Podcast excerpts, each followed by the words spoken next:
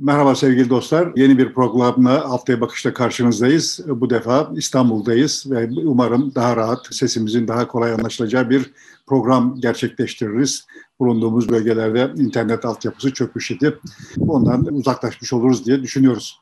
Bu hafta e, orman yangınlarını biraz daha e, konuşalım istiyoruz. E, arkasından Covid-19 ile ilgili yeni bir delta var mı yok mu, ne yapılıyor onu birazcık ele alırız. Milli Eğitim Bakanı istifa ettiği yerine yardımcısı geldi. Bir de Sedat Peker'in yaptığı, dün itibariyle yaptığı açıklamalar var. Bu ne anlama geliyor? Niye uzun bir aradan sonra tam da böyle bir vakitte açıklama yaptı? Biraz da onlar üzerinde duralım istiyoruz. Tabii ki olimpiyatlardaki tablomuz var. Belli bir başarı da var. Bir başarısızlık da var. Ama bu sene pek çok yıla göre galiba biraz daha iyi durumdayız madalya sayısı itibariyle. Evet, ormanla e, başlayalım. Türkiye gerçekten çok ciddi bir orman yangınıyla karşı karşıya kaldı ve bunu söndürme konusunda bir acziyet de ortaya çıktı. Refleksi devletin çok güçlü olmadığını e, görmüş olduk. Son geldiğimiz noktada bu tabloyu nasıl değerlendirelim? Yani sen her zamanki gibi böyle usul usul ve işte edepli edepli müeddep bir şekilde konuşuyorsun ama ortada devlet diye bir şey olmadığını gördük bana kalırsa. İnsanlar sokakta, sıradan insanlar sokakta yabancı plakalı araçları durdurup GBT yapmaya kalktı. Yani Yabancı plakalı dediğim, bu. dediğimizde Denizli plakası. Evet. Denizli iki gencin oraya yardıma giderken çevrilmesi. Yani benim hemşerilerim. Evet yani o ile ait olmayan plaka, yabancı plaka derken. Yabancı dedim komşu il yani Antalya komşumuz yani ayrıca. yani şimdi seninkileri yapmışlar sadece ona yapmamışlar besbelli bir yığın yerden geleni evet. belli bir süre bu işi sürdürmüşler ve yani bu netice itibariyle kendince devletin vazifelerini yerine getirme güdüsü yeni bir şey değil. Burada bir kere daha ortaya çıkmış durumda. Ne, ne zaman devlet gerilerse birileri durumdan vazife çıkarıp devletin fonksiyonlarını üstlenmeye kalkar zaten. Evet. Yani çek senet mafyaları da bunların bir türevi. Sonuçta devlet vazifesini yapamıyor ise birileri çıkar çok hevesli birileri ve biz burada bir kere daha gördük ki yani işte devlet orman yangınları karşısında devlet dediğimiz kurumlar e, manzumesi orman yangınları karşısında son derece çaresiz kaldı geçen hafta konuştuğumuz noktadayım. Yangınların çıkması anormal değil. Yangınların söndürülemiyor olması, bu kadar uzun süre söndürülememiş olması anormal. Ve giderek netleşti ki yangınların başladığında söndürülememesi büyük ölçüde havadan müdahale edilmemesi yüzünden, edilememesi yüzünden gerçekleşti. Yani havadan müdahalenin aslında ehemmiyeti büyümüş bir yangını söndürmekte değil. Ona muvaffak olamaz yani. Ama bir yangın başlarken keşif uçuşlarıyla keşfedilir, zamanında keşfedilir ve başlangıç safhasında havadan müdahale edilirse büyümeden önlenmesi ihtimali var. Bu yapılamadı. Yapılamadığı aşikar. Böyle yandaş medyanın anlattığı bütün hikayelerin hepsi yalan, açıkça yalan. Devlet adına söz alanlar bu havadan müdahale konusunda eksiklik olduğu konusunda söylenen çok da müeddep bir biçimde söylenen her şeye şiddet bir e, şekilde şirretlikle karşılık verdiler. Yok öyle şeyler falan filan diye. Ama son tahlilde gördük ki işte sağdan soldan yangın uçağı kiraladılar ve veya yardım aldılar. Havadan söndürme yardım aldılar. Ne zaman? İş işten geçtikten sonra. sonra evet. Yani yangınlar yangınlar olağanüstü büyüdükten sonra. Burada da görüyoruz ki net to- toplamda yani evet havadan müdahale gerekliymiş, gerekli olduğunu biliyorlarmış. Bildikleri halde bu tedbirleri alamamışlar şu veya bu sebeple. Alamadıkları söylendiği zaman da utanmayı, boyunların önüne eğmeyi vesaireyi de bilmiyorlar.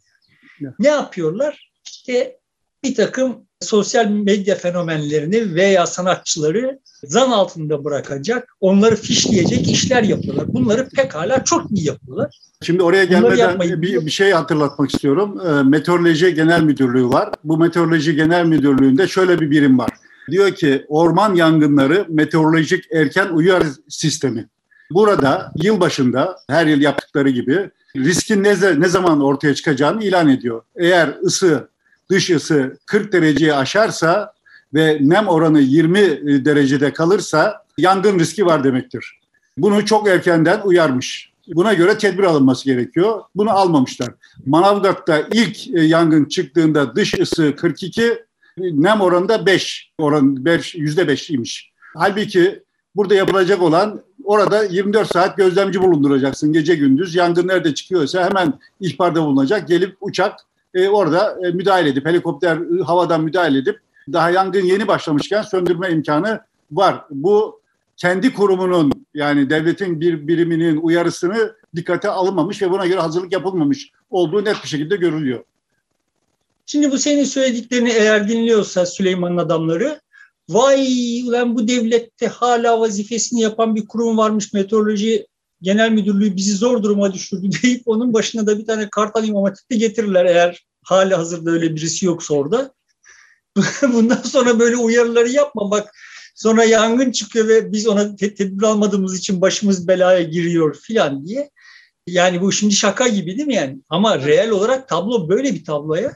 Yani iş, işini yapmış olan bir devlet kurumu bulmak, işini layığıyla yapmış olan bir devlet kurumu bulmak. Yani Temmuz ayında Manavgat'ta hava şöyle olacak demiş ve onda da bir performans sergilemiş bir devlet kurumu var demek ki. Ve bunu bulmak artık samanlıkta altın bulmak gibi bir şey yani. Altın iğne bulmak gibi bir şey. Halimiz bu yani. Şimdi burada görünen tablo hani demin kabaca özetlemeye çalıştığım gibi kimse üstüne düşeni yapmıyor. Oradan buradan bir takım böyle durumdan vazife çıkaran e, zibidiler anlaşılan o ki kendilerini işte iktidara yakın da görüyorlar ve işte bütün bu hikayeyi de sanki yani sanki ormanlar iktidarı düşürmek için yani zaten yangın darbesi diye falan falan bir takım manşetler atmadılarsa o da şaşırtıcı yani. Darbe olacağına dair bir lafta edildi o dönemde. Sabah yazarı bir hanımefendi öyle bir iddiada bulundu. Darbe olacaktır yakında. Ben 15 Temmuz darbesinde bilmiştim diye de e, not düşerek. 15 Temmuz darbesini bilmesinde şaşırtıcı bir şey yok yani hanımefendinin, bahse konu olan hanımefendinin. Çünkü yani içeriden bilgi almış olabilir. Şimdi hani hakikaten edebini muhafaza ederek bugünlerin Türkiye'si hakkında konuşmak çok zor yani. Oradan işte dediğim gibi suçlular giderek suçları büyüyor ve giderek daha güçlüler yani. Hani hem suçlu hem güçlü diye deyip çocukken bize eleştirirlerdi bir, bir kabahat işlediğimizi üste çıkmaya çalışınca. Yani bu, bunların suçları olağanüstü büyük ormanlarımızı telef ettiler ve şimdi bir de hakikaten böyle olağanüstü bir güçlülükle işte onu bunu suçluyorlar, fişliyorlar, absürt absürt işler yapıyorlar. Oradan işte Rütük diye bir tane bir tuhaf bir oluşum var. Yani yangın göstermeyin, söndürülmüş olanları gösterin falan gibi böyle ya sen git habercilik yap kardeş. Yani neyin gösterilmesini istiyorsun? Zaten senin adamların başkalarının yangınlarını gösteriyor kendi televizyonlarında. Yani birileri de bunları gösterecek ya. Yani zaten çok zayıf bir iktidar olduğunu, iktidarın çok zayıf olduğunu biliyorsun. Yıllardır söyleyip duruyorum. Bunlara, bunların ağzını bağlayacaksın, yetmez gözlerini bağlayacaksın, yetmez seni. Onların yerine döveceksin yani. Yani bunların herhangi bir şeyin hakkından gelme kabiliyetleri yok. Herhangi bir şeyin yani. Ama zanlı yaratıp bu zanlıları döverek terör estirmek, korku yaratmak falan gibi yani. Yani şimdi tabii ki Hilal Kaplan'ı e, İbrahim Karagül'den vesaire falan falan daha ne bekleyebilirsin? Yani yani kabiliyetleri ne kadar ki yani. Ama işte böyle oluyor işler. Sonra da TOKİ gidiyor diyor ki işte yani bir de öyle bir kurumumuz var. Onun elinde hazır projeler var anlaşıldığı kadarıyla. Küt diye ortalık yanıp dururken bak ama sonrasında bunları yapacağız. Şimdi hani Ahmet Davutoğlu şeyini hatırlattı bana. Suru Toledo yapma hikayesini hatırlattı. Ya yıkıyoruz ama bakın neden yıkıyoruz yani. Yerine neler yapacağız ondan şimdi. Yakıyor, yanıyor ama yani göz yumuyoruz ama neden göz yumuyoruz? Bakın yerine neler yapacağız. Ya işte böyle ahmakça bir şeyler gönderiyorlar. Denizin dibinde bir şeyler buluyorlar filan falan. Büyük Türkiye hikayeleri, masalları anlatıyorlar ve işte sonuçta altı tane yangın uçağını çalıştırmayı beceremiyorlar. Yani tekrar söyleyeyim yani THK ile geçen hafta da söylemiştim. Evet. THK ile aralarının açık olmasını anlayabilirim. Bir itirazım yok. Ya, be, Yani bence olmamalı da ama böyleyse bunda bu bir tercihtir yani. Onların tercihidir. Hoşuma gitmez ama kabul edebilirim yani. Ama kardeşim ya böyle bununla kavga ederken bak sonuçta elinizde yangın uçağı kalmamış. Gidin bir yerden bunu temin edin yani. Ondan sonra THK'yı dövün yani Türk Hava Kurumu'nu ondan sonra dövün. E, kaldı ki Türk Hava Kurumu'na zaten kayyum atanmış yani o kayyum dolayısıyla orada bir aksaklık varsa hızla düzeltebilir. Düzeltmesi gerekirdi. O da görevini yapmamış. O zaman niye kayyum atandı oraya?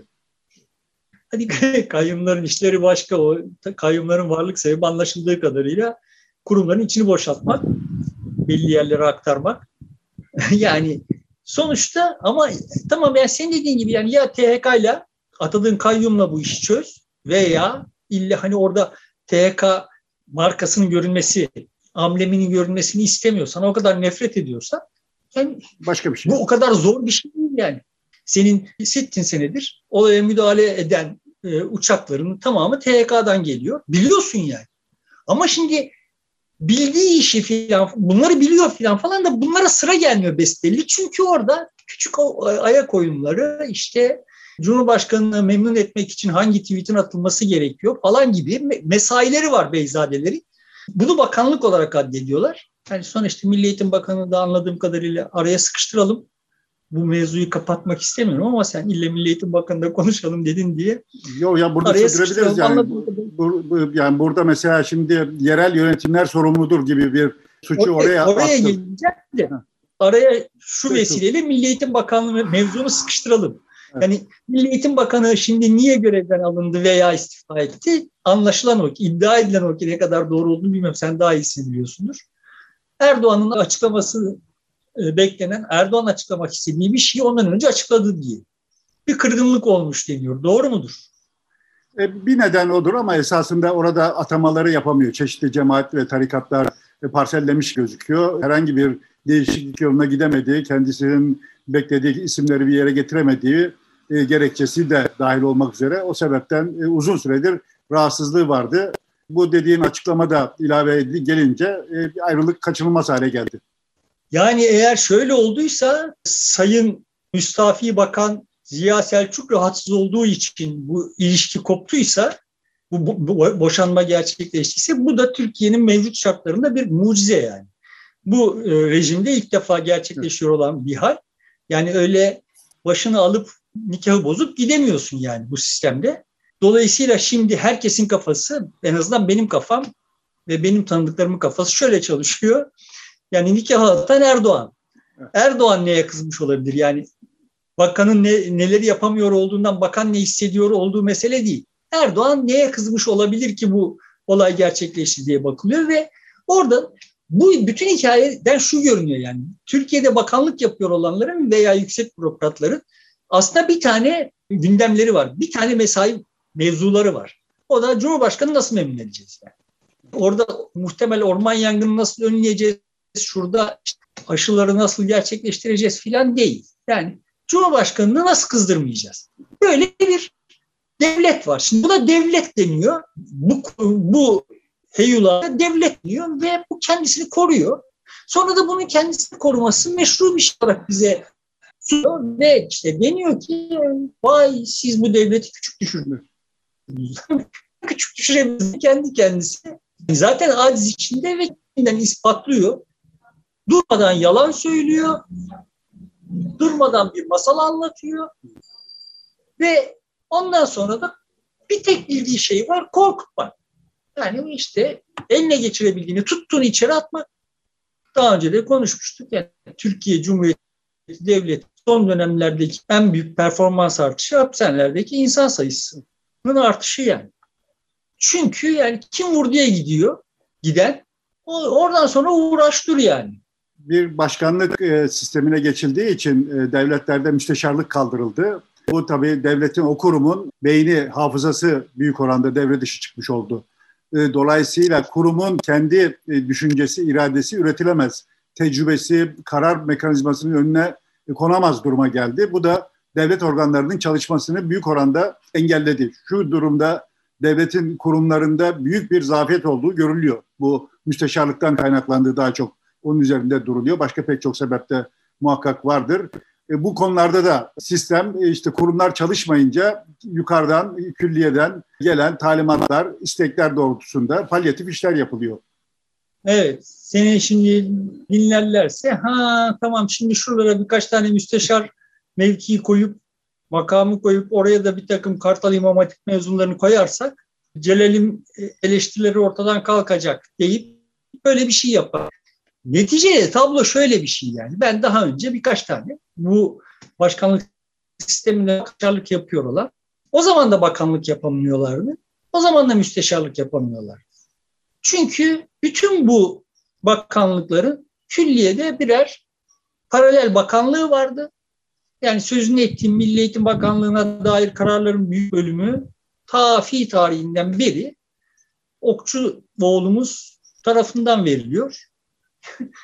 Yani olayı kontrol ediyor olan o ama işte sonuçta bir takım bakanlık koltuklarında acaba ben bakanlık yapabilir miyim falan filan diye tırmalıyorlar anladığım kadarıyla. Yani şimdi Ziya Selçuk eğer şimdiye kadar bir takım atamalar yapılmış da bugün yapmamış.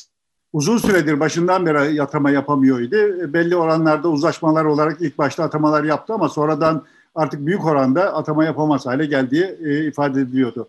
E, yerine gelen Profesör Doktor Mahmut Özer de İmam Hatip mezunu. Gerçi Kartal değil ama o da İmam Hatip mezunu. Artık böylece senin de eklediğin Kartal olmasa da bir başka İmam Hatipli bakan olmuş oldu.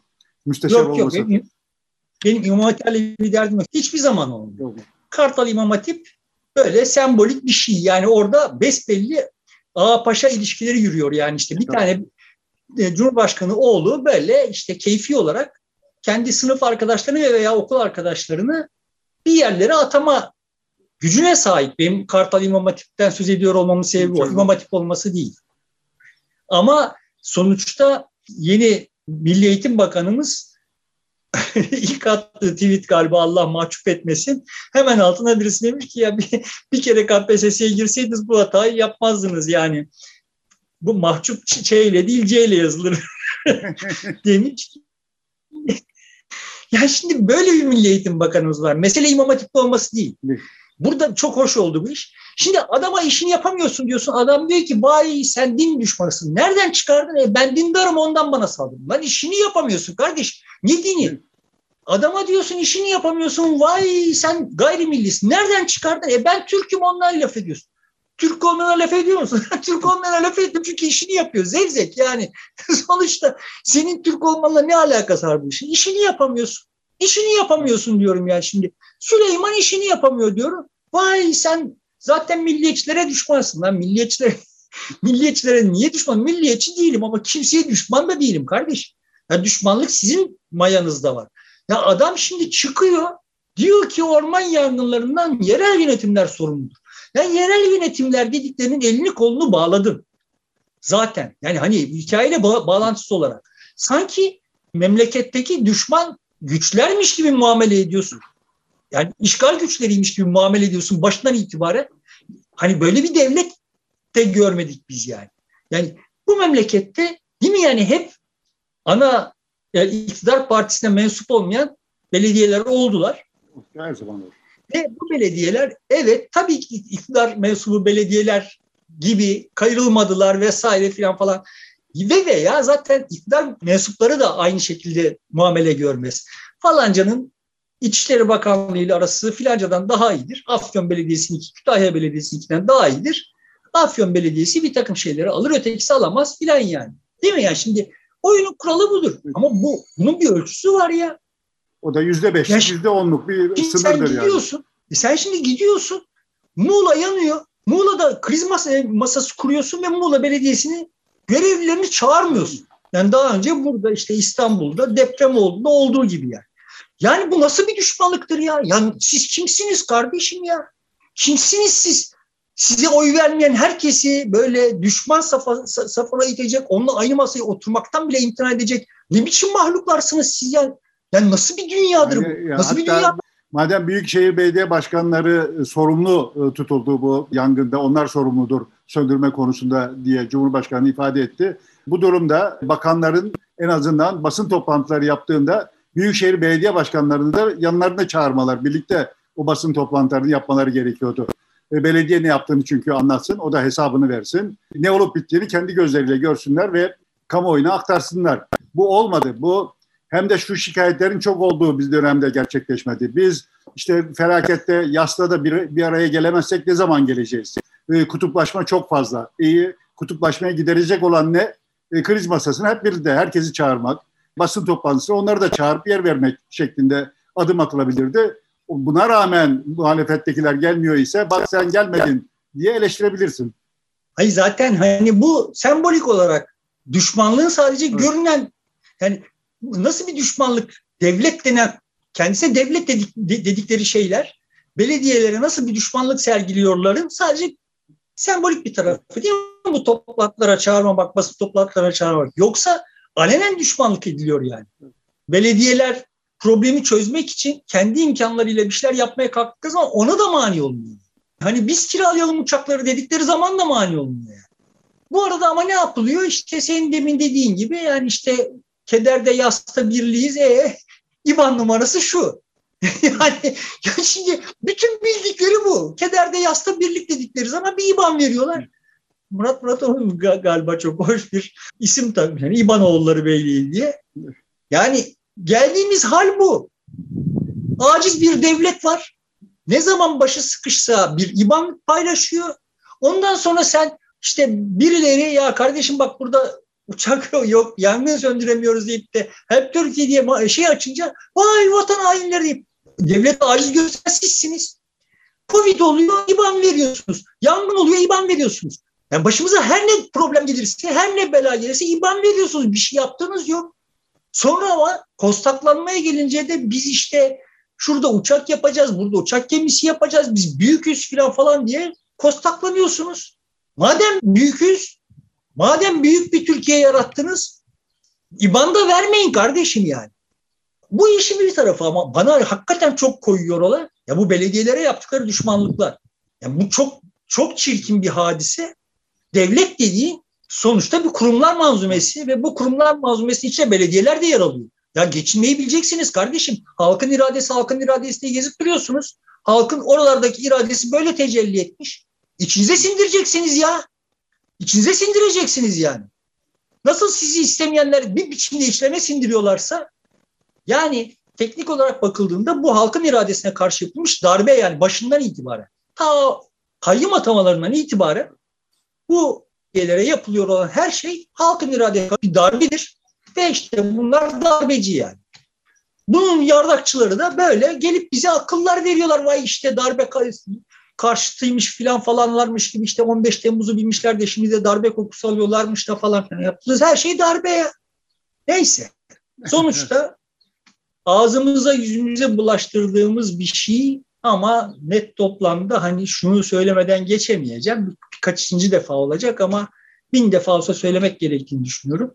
Bütün bu hikayenin içinde kamuoyunun, sıradan insanların gösterdiği reaksiyonu son derece sağduyulu ve güven verici buluyorum. Gelecek geleceğe dair bir güven inşa edilebilecek ise buradan inşa edilebilir diye düşünüyorum. Ve hiçbirisine geçer not vermediğim belediyelere de bu olaydaki tavırları, tutumları, reaksiyonları, çabaları nedeniyle yardımlaşmaları vesaire nedeniyle geçer not verdiğimi söyleyeyim. Muhalif belediyeler, anladığım kadarıyla muhalif iktidar yanlısı belediyeler bu konuda da yardımcı olmadılar. Doğru anladımsa yani. Bu konuda elimde çok net bir veri yok ama yani, yani muhalif belediyeler birbirleriyle yardımlaştılar. Böyle de böyle de bir hale getirilmiş bir devletimiz var. Sonra da işte yani işte çıkıp zaten yargılar belediyelerin sorumluluğundadır falan denebiliyor yani. Bu hakikaten hakikaten bilmiyorum hani üzerine konuşulabilir bir şey değil yani. Senin üslubun belki olur da benim evet. biraz sakin olmak lazım. Doğru. Biraz tehlikeli olur. Devletin bir yalpaladığı gözüküyor. Bir yangında kimin sorumlu olduğu, yangın başladığında arkasından hangi adımların atılacağı, hangi senaryoların devreye gireceği, işte güvenlik güçleri ne zaman e, harekete geçer, ordu birliği ne zaman çağrılır gibi hazırlıklar hiç olmadığı gözüküyor. Orman yangınlarından kim sorumlu, hangi bakanlık bununla mücadele ediyor? Normalde Orman Genel Müdürlüğü olması lazım. Ama biz görüyoruz ki... Arkadaşım Aliyev, arkadaşım Aliyev sorumluymuş. Onu anladık yani.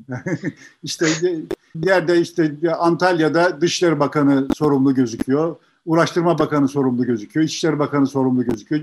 Bazı yerde Çevre Bakanı sorumlu gözüküyor. Bazı yerde de e, Orman Bakanı sorumlu gözüküyor. Onlar işi koordine ediyormuş gibi duruyor. Bir koordinasyon eksikliği olduğu çok açık bir şekilde görüldü. Hazırlık olmadığı da görülmüş oldu. Bu da devletin bir zaaf içerisinde olduğunu gösteriyor bize. Diyelim buradan istersen Sedat Peker'in açıklamalarına geçelim. Tam da böyle bir ortamda Sedat Peker uzun bir aradan sonra gerçi Covid oldum diyerek bir anlaşabilir bir gerekçe ortaya koydu e, ara vermesinin nedeni olarak. Ama şimdi 50 tweet attı arka arkaya bir dizi. Önceden de duyurdu. Neden tam böyle bir zamanda e, devletin nasıl işlediğine dair örneklerin içerisinde yer aldığı tweet dizisine başvurdu. Evet yani önceki gün bunun anonsunu yapıp sonra da işte dün böyle bir seri tweet attı. Ben de hani işin akçası Sedat Peker'in niye bu kadar zamandır sessiz olduğu konusunda yaptığı açıklamayı itibar etmiştim. Yani hasta olduğu için ve aile fertleri hasta olduğu için tamam olabilir yani. Ama bu, o tweetleri okuduktan sonra nasıl tabir etmek gerekir bilmiyorum. Yani boş bir şey. Sonuçta ne gördüm tweetlerde ben ne gördüm? Yani işte Buran Kuzu diye bir adamcağız vardı. Bakan yapılamadan mevta oldu. Ve işte bunu da içine sindiremedi. Bu adam bir tarihte bir takım kurtların eline düşmüş ve elindeki gücü devletten devlette olmasından, iktidarda olmasından kaynaklanan gücü suistimal etmiş. Yani şimdi bunu görüyoruz. Ve buradan bu şimdi haber değil yani. Türkiye Türkiye şartlarında bu haber değil. Yani biz bunu yapmayan birini bulursak yapacağız başımıza koyacağız. Öyle bir şey yok yani. Dolayısıyla şimdi tamam, ölmüş bir adamın arkasından bu hikayenin anlatılması ve sonra bunun yani yaşayanlar üzerinden anlatsa hadi bir şey bir, bir sonuç bekleyelim yani. Ama ölmüş bir adamın üzerinden anlatması ve sonra da bunu çok gevşek bir şekilde Süleyman'a bağlaması bana çok manasız geldi. Yani olayı Süleyman'la ilgili olarak o parantezi almaya çalışıyor diye hissediyor idim. Galiba başka bir derdi yok gibi görünüyor Sedat Peker'in. Öyle devletin işleyişi haklısın. Burada Süleyman'ı zan altında bırakacak bir şey yok. Yani o iki kadının ölümünden mesul gösteriliyor olan adamın, gencin, babasının Süleyman'ın arkadaşı olduğu dedikodusu vesaireler dışında aksine Süleyman'ı haklı çıkaracak şeyler var burada. Çünkü Süleyman çıkıp demiş ki ya ben yakalıyorum, hakimler bırakıyor. Şimdi burada böyle olmuş gibi görünüyor olay yani. Süleyman yakalamış, hakimler bırakmış. Nerede nasıl bırakmış? Adli Tıp Kurumu. Adli Tıp Kurumu e, Süleyman'a mı bağlı? Değil. E şimdi buradan bütün hikayeden geriye kalan işte rahmetli Buran Kuzu gibi bir takım adamlar yani şimdi Peker'in hikayesinde bakacak olursak öyle genele teşmil edilebilecek bir şey de değil. Sistemin nasıl Münhasıra, çalıştığını bir örnek üzerinden anlatacağım dedi zaten. Burhan Kuzu'nun yapıp ettikleri üzerinden sistem Tabii. çalışmıyor göster anlatmış oldu. Tamam da işte buradan şunu çıkaramıyoruz yani. Hali hazırda yaşıyor olan ve güçlü bir yerlerde oturuyor olanlar yani mesela Fahrettin'e ne diyor? Sen bilmiyor musun orada senin telefonunu kullanarak filan falan. Şimdi yani onu temize çeken yani onun bir biçimde maksimum günahı ihmalmiş yani gibi bir hava oluşuyor tweetlerden. Şimdi böyle olunca tam tersi onu ima ediyor havası da doğabilir. Yani sen e, o daha bir yumuşak üslupla bunu söylemiş olabilir. E, bu merkezi olarak e, külliyeye dayanmış durumda. Oradan işte iletişim başkanlığından yapılan telefonlar üzerinden bu mekanizma yürüyor, yürü de anlatmaya çalışıyor bir yandan da. Tamam. Bunu şimdi Fahrettin'e böyle söylüyor. Fahrettin evet. bundan bunu çıkarsın. Ama o tweetleri okuyan ben bunu çıkarmam. Demeye çalıştığım şey bu şimdi. Tweetleri okuyan sıradan insana demiş oluyor ki bak Fahrettin'in makamından yapılıyor bütün bu işler. Yani o makama ait te- telefonlardan yapılıyor bu, bütün bu işler ve Fahrettin ihmal ediyor vazifesini. Bunları kontrol etmiyor. Bu tabii ki Fahrettin böyle benim okuduğum gibi okumayacak. Ama ben şimdi sıradan bir vatandaş gözüyle okuduğum zaman tweet'i burada Buran Kuzu'ya münhasıran ona has bir kusur var. O da işte kadın kız mevzuları yüzünden bir kapana sıkışmış oradan çıkamamış gibi bir şey var. Ve buradan biz de oradan olayı işte Adli Tıp Kurumu üzerinden Süleyman'a bağlamaya çalışıyoruz. Şimdi Adli Tıp Kurumu kokuşmuş olduğunu anladık. Bütün bu tweetlerde. Parayı veren düdüğü çaldığını anladık. Zaten bu da beklediğimiz bir şey. Çünkü işte anlaşılan o ki Meteoroloji Genel Müdürlüğü hariç çalışan bir kurumumuz yok yani. Dolayısıyla şimdi hani Orman Genel Müdürlüğü ne kadar çalışıyorsa Adli Tıp Kurumu da o kadar çalışıyor demek. Eğer bir, birileri bir yerlerde bir takım nemalanma fırsatları yakalayacaklarsa uçaklar da kiralanabilecekti. O fırsat kaçmış. E şimdi burada da birilerine nemalandıklarında filan gibi bir hikaye var. Şimdi bu Sedat Peker'in tweetlerinde tamam şimdi bu anlaşılır bir şey mevcut hikayenin içinde. Ama yani bu Süleyman'a niye dokunuyor? Yani benim Süleyman hakkında ne düşündüğümü herkes biliyor yani. Derdim Süleyman'ı korumak falan filan değil. Süleyman'ın kabahati yok demek filan falan değil. Derdim şu. Alakasız bir yerden getirip sonuçta yine Süleyman'a vurulduğu zaman bu tweet dizisinde Sedat Peker'in ne yapmaya çalıştığını çok anladığımı söyleyemem. Hani neden tam şimdi sorusu benim aklıma gelmiyor. Çünkü zaten çoktandır sessizdi ve zaten bir bir atraksiyon yapması gerekiyordu. Aksi halde şey soğuyor yani. Ormanlarımız soğumuyor ama Sedat Peker'in yaktığı yangın soğuyor. Dolayısıyla bir şey yapması lazımdı ve yaptı. Şimdi bütün bu teferruatı Sedat Peker'in bilmiyordu olduğunu yani Burak Kuzu ile ilgili bütün bu teferruatı bilmiyordu olduğunu tahmin edebilir miyiz? Edebiliriz. Demek ki birileri e, özel olarak bu malumatı ona servis ettiler. O da işte bunlardan böyle bir hikaye yazdı. Elinde malzeme yok desem bilmiyorum. Ona da çok inanasım yok.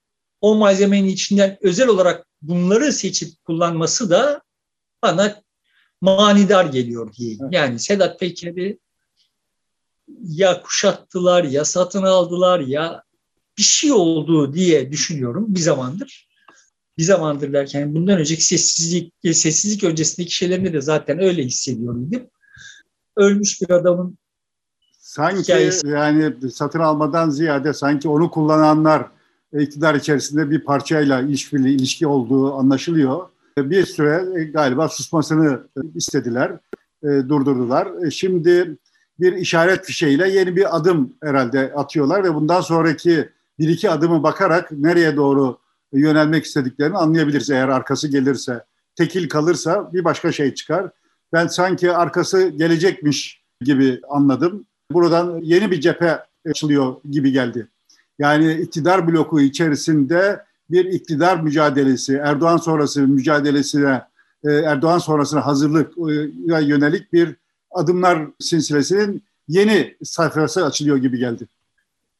Olabilir yani sonuçta oradaki kavga devam ediyor ama o kavga için Sedat Peker'in çok kıymetli bir maşa olmadığı, olamayacağı gibi bir senin terimlerine düşünecek olursak olamayacağı gibi bir sonuca vardım diyeyim. Bu yani yanılabilirim veya yeniden onu başka türlü kullan, kullanmaya kalkabilirler. Onları bilemem ama evet iktidar içindeki mücadele sürüyor. Hali hazırda Erdoğan'ın burada bunu öyle veya böyle yönetebiliyor olduğunu görüyoruz. Çünkü zaten başka bir işi yok. Bir tane işi var. O da bu. Yani ormanlar yanmış, işte şunlar olmuş, bunlar olmuş dert değil. İşte orada bir tane şeytanlaştırılmış muhalefet gösterecek. Biz ve onlar şeyini sürdürecek. Bunu onun kadar sürdürebilecek başka hiçbir aktör olmadığı sürece herkes ona biat edecek. Yani bildiği bir tane oyun var. O oyun. Ve orman yangınlarını da böyle kullanıyor. Yani memleketin ormanları yanıyor ama o işte böyle uçağından bakıp bilgi alarak falan filan devam ediyor. Sonra da işte itfaiyelerin yollarını kesen konuyla gidiyor. Yangında hayatını kaybetmiş olan çocuğun ailesini ayağına getiriyor falan böyle. Yani sahiden insanın hafsalasını almayacağı şeyler yaşanıyor yani. yani bir askeri rejim olsa bunu yapmaz yani. Ama arkasında da bunların hepsini böyle işte vay efendim neymiş Osmanlı'yı bilenler bu çay atma meselesini bilirlermiş. Onlar Osmanlı'yı bilmeyenler anlamazlarmış. Ay senin bildiğin Osmanlı'ya tüküreyim. yani ne, ne biliyorsun Osmanlı hakkında yani?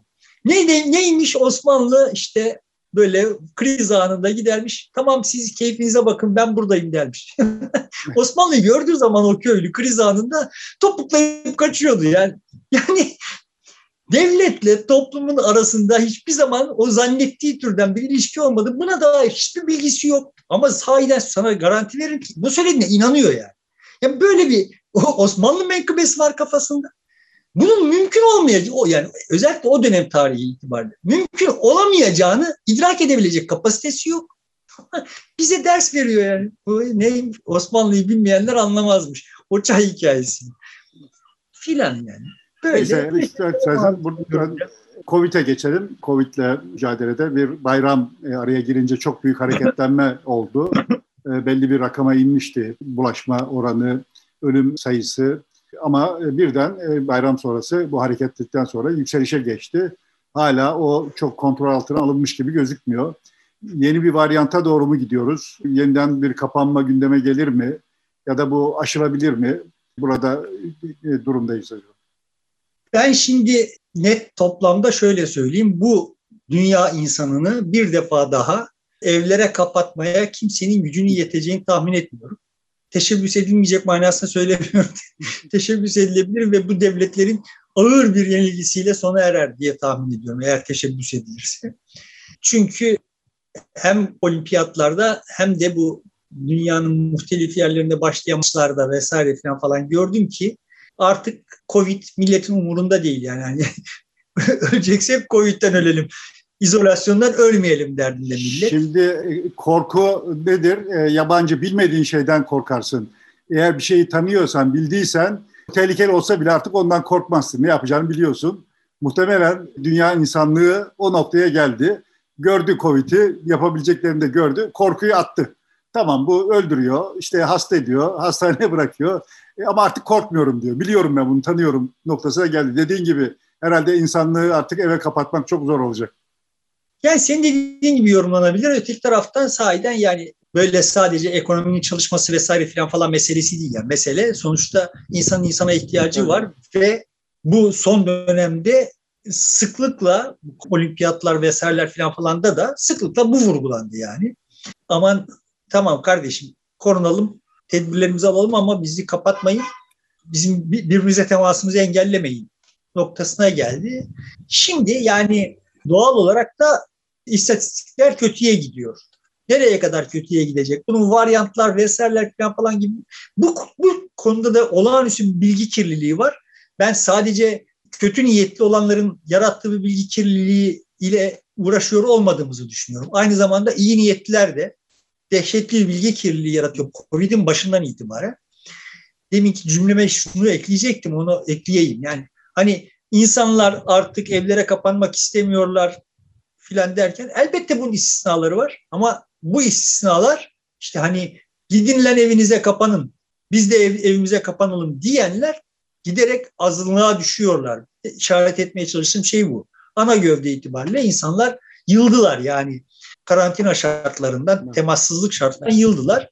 Neyse risk bu riski göze almayı tercih eder duruma geldiler. Bu benim beklediğim bir şeydi. Covid'in başında bu süreç sonuçta insanlar birbirlerinden ülkecek, korkacak ihtimalinden söz ediliyordu. Öyle olmayacağını düşünüyordum. Bu anlamda kendimi doğrulanmış hissediyorum.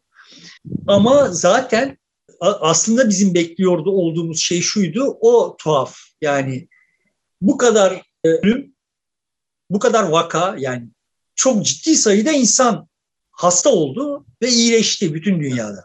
Yani 200 milyon kişi mi ne? Tam olarak şimdi şeyi hatırlayamadım. Ve bu kadar aşıdan sonra bir tür sürü bağışıklığına ulaşmamız bekleniyor idi. Öyle olmadığı görülüyor yani. Hemen hemen hiçbir yerde öyle olmadı.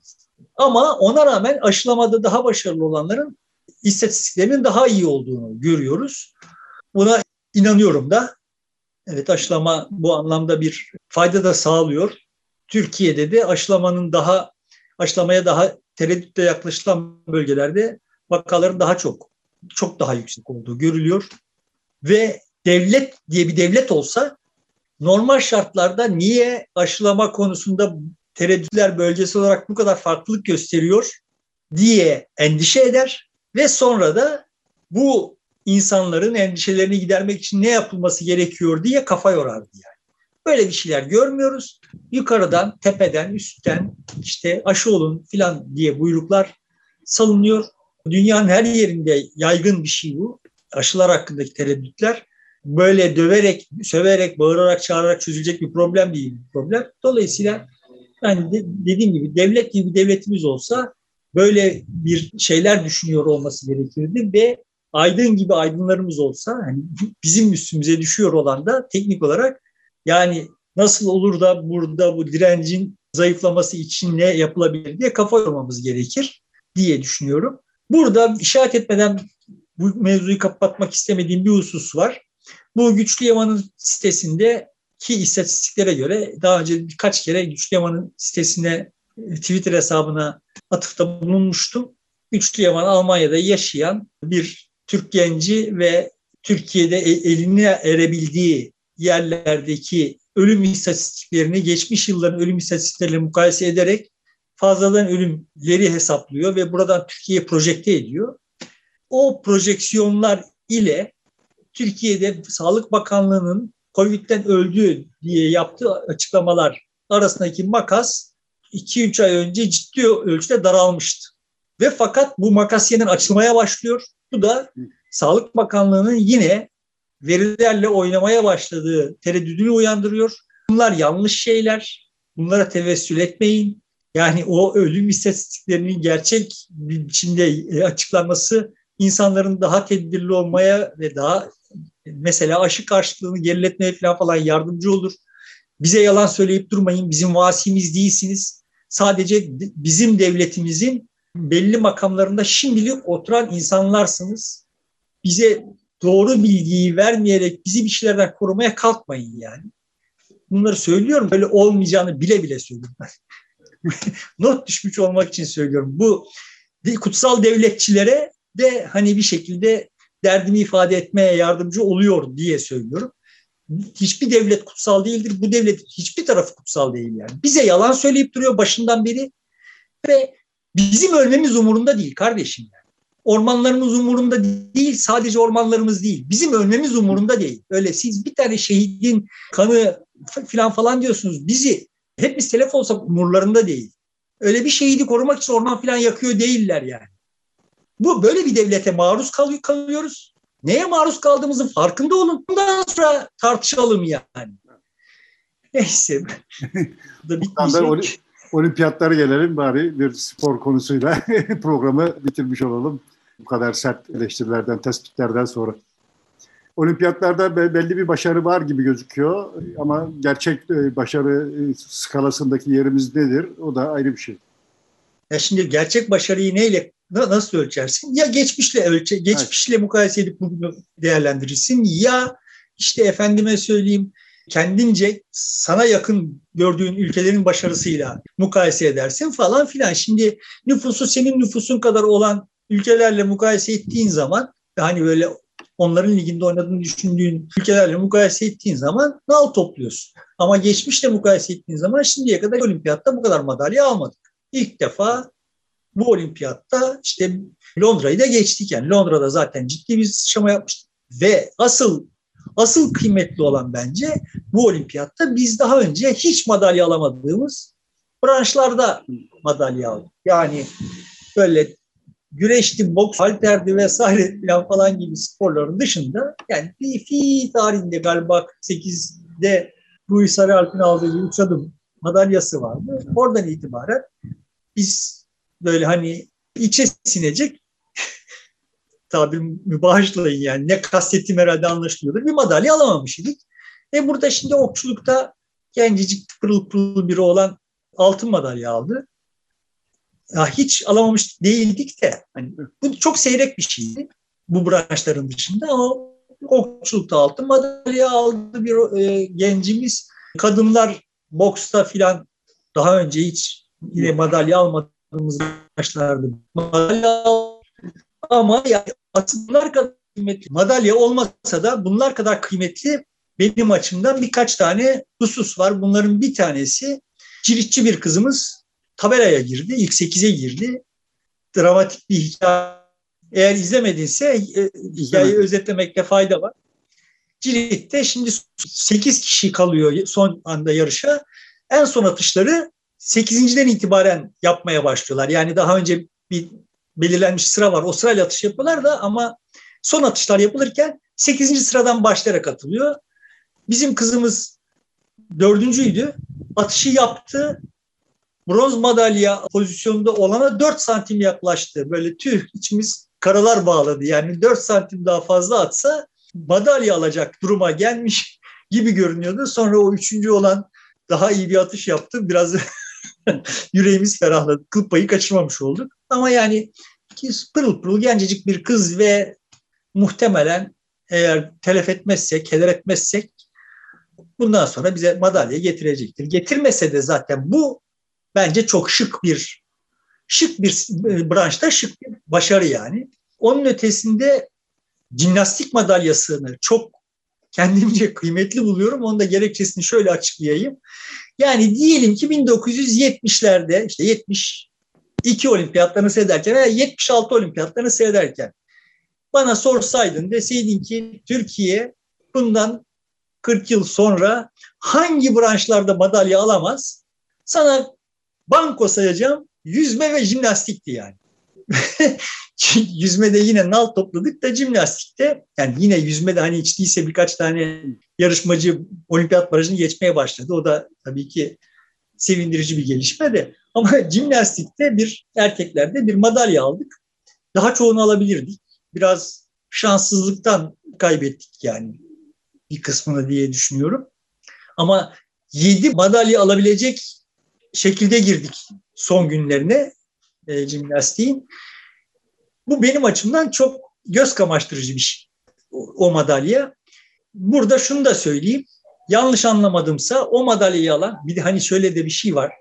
Genellikle kızlar, kadınlar çok başarılı oldular. Hani o okçu olanla bu jimnastikçi çocuk bizim cinsiyetimizi de şerefini kurtardı yani bu olimpiyatta. O yüzden de kendilerine müteşekkirim. Şimdi anladığım kadarıyla o jimnastikçi çocuğun annesi başörtülü.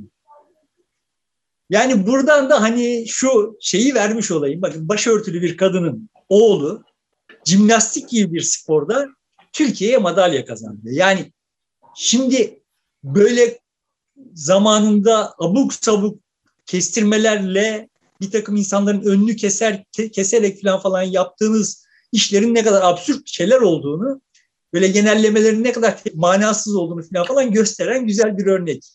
Yani şimdi ben ben Akram benim arkadaşlarımı çok iyi tanıyorum biliyorum. Şimdi onlar mesela öyle bir kadının oğlunun olsa olsa güreşte, tekvandoda ya da işte ne bileyim yani halterde filan yarışabileceğini ve olursa başarı sağlayabileceğini düşünürler. Öyle olmadı yani. Jimnastik gibi çok sofistike bir spor dalında bize ilk madalyayı getiren öyle bir kadıncağızın oğlu yani. Bunun dışında tabii ki voleybol takımımızın performansı geliyor. Voleybol takımımız bizi bir anlamda yeniden hep bir araya getirdi ve bir anlamda aramızdaki uçurumu derinleştirdi. Çok uzun tahlili gerekiyor. Kızların hepsinin ellerinden öpüyorum. Galiba onlar da şanssız kaybettiler son maçı. Ben kendi hissiyatım itibariyle söyleyeyim. İlk setin sonlarındaki beş, bir beş dakika hariç kaybedeceklerinden emin olarak seyrettim. Çünkü daha önce de söyledim. Yani yüzleri gülerken kazanıyorlar, yüzleri gülmüyordu. Anladığım kadarıyla çok fazla bir yük bindi omuzlarına diye yorumluyorum. Yani öyle hissettiler diye yorumluyorum. Emin değilim. Ama onun dışında başka faktörler de etkili olabilir. Her halükarda biz o maçı kaybedecektik. Öyle görünüyordu. Ama yani ona rağmen benim o hissiyatıma rağmen hani son sayıya kadar son topa kadar olayı getirdiler yine. Kazansalar da tabii ki daha renkli bir şey olacaktı. Son güne kadar yani iki, iki maç daha yapacaklardı. Türkiye iki kere daha sallayacaklardı yani. O açıdan çok anlam taşıyordu. Her halükarda iki maç daha yapacaklardı. Madalya alırlar almazlar. Zaten beşinci olarak ilan edildiler. Ee, benim açımdan bu kafi bir başarıdır ve yani bu tesadüfi bir şey de değil zaten. Bu, bu kızlar iki nesildir. Yani Neslihan'dan bu yana üç nesildir bu işi yapıyorlar. Yani nesiller değiştiği halde sürdürülüyor bu başarı. Umarım bunu heder etmeyiz. yani voleybol milli takım başındaki gayrimilli İtalyan teknik direktörü kovup Kartal İmam Hatip'ten bir voleybol hocası falan falan getir, getirmeye kalkmayız falan. Yani ben voleybol değerlendirebilecek durumda değilim ama sonuçta hocanın da böyle payının ne olduğunu bilmiyorum işin akçası. Olumlu, ee, olumlu da uzun, ve uzun süredir Türkiye'de galiba önce Eczacıbaşı'nı çalıştırdı. Sonra da milli takım hocası oldu. Tanıyor, biliyor yani. Benim takip ettiğim şeyler değil bunlar ama benim kardeşim takip ediyor. Bundan önce hangi milli takımı çalıştırdıysa ona sınıf atlatmış. Evet. Dolayısıyla hani bu da beklendik bir şeymiş ama bu sadece hocayla açıklanabilecek bir şey değil. Malzeme, arkadan gelen malzeme iyi. İyi, iyi tabii. Yani bir de artık bir kızlar... Türk kızımız da evli, bir yer, milli sayılabilir. Bilemeyeceğim artık. Bildiğimiz yerlerden geçmiyor sınırlar. Evet. Yani şimdi yeni bakanın yardımcılarına falan falan baktığım zaman o yani tanıdığım insanlar var orada. O bizim bildiğimiz yerlerden geçmiyor o kimin yerli milli olduğu sınırı. Ne öyle vay Türk kızıyla ev, evlendik kurtuldu falan falan değil mi? Böyle öz Türk olanlar da bazen yerli ve milli olmayabiliyorlar yani. Evet. Sıklıkla olmayabiliyorlar. Son tahlilde kızların hikayesi çok uzun tahliller gerektiriyor. Belki bir biçimde bunları da yaparız da. Ama olimpiyatlar genel hatlar itibariyle ağzımızda bir lezzet bıraktılar. Fakat yani hani her madalyanın yanında bir de bakan görmeseydik daha da lezzetli olacaktı diye düşünüyorum. Bakanlarımız başarı, maşallah. Başarı olunca hemen bakanlar sahip çıkıyor. Ee, biz arkasındayız diye söylüyorlar. Tabii başarı ya sahip çıkmaları anlaşılabilir bir şey. Sonuçta Türklerin de bir başarısı e, diye kabul edebiliriz ama e, hezimet karşısında da ona da sahip çıkmak lazım. Yani bakanlarımız bu işleri iyi biliyorlar. nerede bulunup nerede bulunmayacaklarını çok iyi biliyorlar. Belki o konuda da külliyeden şey alıyorlardır, direktif alıyorlardır onu da bilmiyorum. Ama sonuçta buradan bu siyasi iktidara bir hikaye devşirmek için bir gerekçe yok. Yani öyle spora çok anlamlı bir takım şeyler sağlanmış falan filan değil. Bu hikayeleri yazan çocuklar hemen hemen hiçbirisi öyle yazmadılar yani. voleybol milli takımının ki zaten hiç alakası yok. Ellerinden gelse voleybol milli, takım, milli takımını yollamazlar da zaten de o şortlarla öyle yani yakışık alıyor mu? Ama yani Türkiye'ye yakışıyor mu? Ama mecbur kalıp yolladılar. Burada bitirelim istersen. Başka bir söyleyeceğim bir değerlendirme bir cümle varsa onları alalım. Burada kapatalım. Evet. Herkese bu devleti nasıl olup da dizginleyeceğiz konusunda tefekkür talep ediyorum diyeyim herkesten. Peki sevgili dostlar burada bitiriyoruz programı. Haftaya görüşmek üzere. Hoşçakalın.